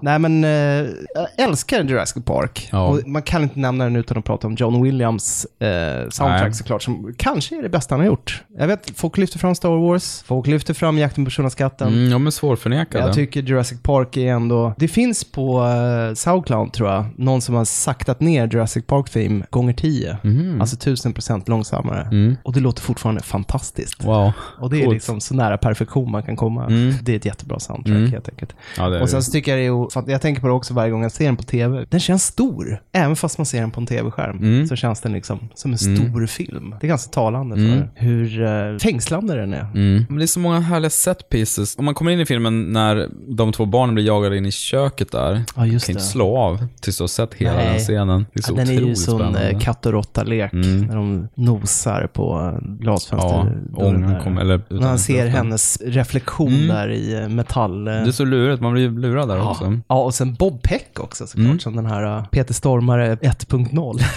jo. Får man Ja, precis. Filmens mest klassiska replik. Clever girl, det är hans sista ord innan hon Ja, honom. det är bra. Jo, men han lyckas Bra ju... sista ord. Ja, verkligen. Och de lyckas ju... Jägarens respekt för sitt Ja, byte. jo, men precis. Han dör väl som han skulle vilja dö. Liksom nedkämpad av sin nemesis. Mm. Och eh, han, de får ju de här, särskilt Velociraptorerna framstår som jävligt smarta också. Riktigt Ja. så listiga. Nej, men jag måste bara nämna min Jag mötte Lasse-anekdot. Jag har ju intervjuat Joseph Mazzello en gång. Alltså Jaha. lillpojken. Vad häftigt. Ja, under min... Det var en Lasse-historia. Ja, det var ju min, under min korta eh, journalistkarriär. Mm. Eh, Jag skrev lite grann för Café för några år sedan och då, då blev jag skickad till Los Angeles för en sån här junket på The Pacific, HBO-serien om, Stilla havskriget. Mm. Ja, just det. Och då gjorde jag intervjuer med tre skådisar. Eh, John Cena då, från Homicide, Mm. Mhm. on the Street. Mm, härligt. Och, ja, Hur var han? Var han trevlig? Eh, han var supertrevlig. Mm. Och sen var en till och sen med eh, Joseph Mazzello då. Och då fick jag så en timmes intervjuer ensam Gud, med vad dem. smarrigt. Utan någon Ja. sån här minor som satt. De var ju inte så stora stjärnor liksom. Nej, kunde du Eh, mina dem på anekdoter? och Ja, sånt där? det var ju, fokus var ju på serien då, så jag, Mm. jag frågade ju jättemycket om den. Det här var ju bisarrt, för jag hade ju knappt intervjuat någon människa i hela mitt liv. Och sen gick jag runt i Beverly Hills på The Beverly Wilshire Hotel. På luffen i Beverly Hills. Ja men exakt, och då hade de ju... Det vill säga, du vandrade i Beverly Hills. ja, exakt. Ja, men de hade ju, en hel våning på det hotellet var ju helt rensat från gäster, för det var ju sådana junkets där. Och det var ju sådana anonyma, snygga men trista hotellmiljöer man har sett i lite så intervjuer. Mm. Ja, nej, men jag satt med honom en timme och snackade om och så frågade jag lite om, om eh, hur det var med på Jurassic Park också och sådär. Och Han var ju svintrevlig såklart. Ja. Och sa att det var jävligt, en jävligt mäktig upplevelse med Steven Spielberg. Nu kommer jag inte ihåg något han sa Nej. om det. Jag har ju skrivit ner allting. anteckningar. Alltså det här var 2009, det var ett tag sedan alltså. Men han var, han var ruskigt sedan. Trevlig i alla fall. Han, var, han hade ju precis gjort uh, The Social Network då. Mm. Nej men det var kul för att vi hade en timme, så efter 55 minuter var, hade jag slut frågor. Jag var så här. Jaha, det var det. och han var så här, eh, ska du inte fråga något om The Social Network? Jag bara, ja just det, hur var, hur var det att jobba med Fincher? Efter att ha tänkt så här, men fan, vilken, jag hade ju värsta chansen att fråga jättemycket om det där. Men Ja. jag var ju så oruttad och jag var ju ganska nervös också. Var jag så här, det här är mitt, nu ska jag prata om det här. Ja. Jag vet inte riktigt vad han gör nu, Joseph Mazzello, men Nej. eh, hur som helst. Man kan ju säga det också att den kostade 63 miljoner. Ja. Den drog in drygt en miljard. Ja. Men det är ju ingenting mot Jurassic World som Nej, kostade det var 150 miljoner och drog in nästan 1,7 miljarder. Vilket är helt sjukt mycket pengar. Och det var ju lite otippat också. Alltså att Jurassic World kom ju då 14 år efter trean, som är din favorit Jurassic World Ja. Park-rulle. ja, jag gillar trean. Ja. På allvar. Ja, jo, När du brukar vet. säga så, då är det liksom ett running joke. Men jag gillar trean Jo, men jag, jag vet att du gör det. Och jag Vida önskar- överlägsen tvåan i alla fall. Ja, Jag kan inte riktigt hålla med dig om Nej, det. okej. Även om den har vissa grejer i överlägsen. Du föredrar alltså Vince Vaughn över Sam Neill. När du får uttrycka det så alltså?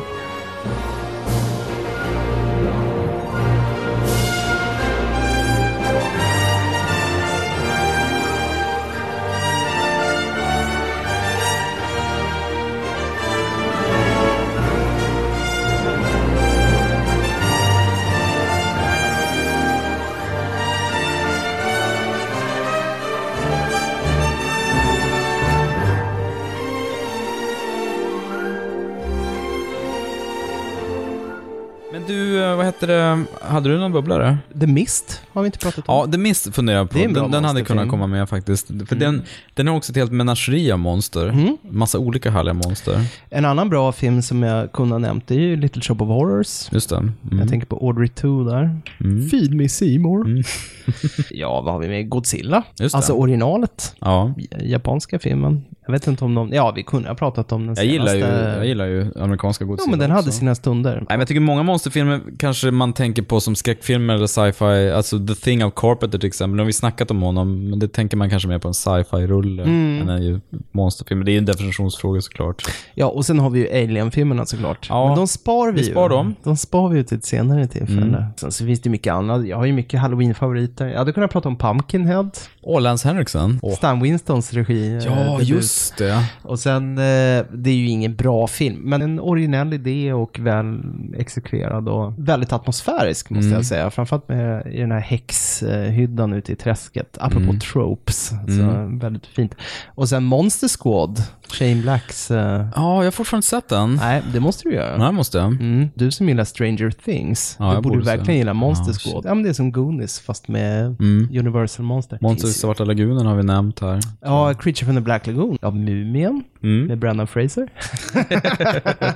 Nej, herregud. Nej, med Boris Karloff. Nej, men också även med The Mummy med Brendan Fraser tycker jag är en bra monsterfilm. Ja, första Mumin var väl rätt okej, men det var Vem var det som regisserade första The Mummy? Var det Steven Collins? Steven Sommers. Ah, Steven. Nej, just det. Steven Collins är ju han eh, Pedoskådisen. pedoskådisen som var, Från- gjorde... från himlen. Ja, exakt. Och Guldapans hemlighet. Ja, Guldapans hemlighet. Mm. Och han var med i ehm, Alla presidentens män också, Mm. biroll. Nej, men han var ju en stor eh, sån här Disney-stall-skådis i många, Ja. många år. Det blir, fallet blir högre då när de är... Nej, men han var ju som en sorts eh, Greg Kinnear, kan man säga. ja, faktiskt. Samma typ av skådis. Ja, vad har vi mer? Det finns ju hur mycket monster som helst. Mm. Det finns så mycket så att jag hade faktiskt inte så mycket spel. Du kan inte säga någonting spontant, för det finns så mycket. ja, exakt. Så är det. Så är det bara.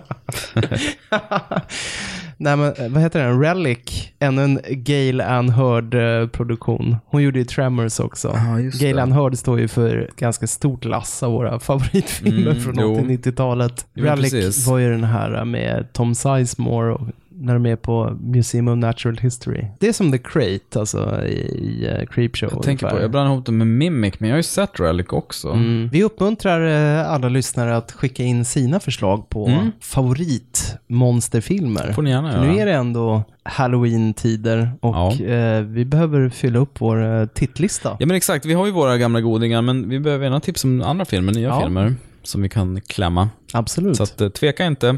Ni kan kommentera på vår Facebook-sida, ni kan kommentera på TV-dags och ni kan mejla oss på ikapodcast.gmail.com.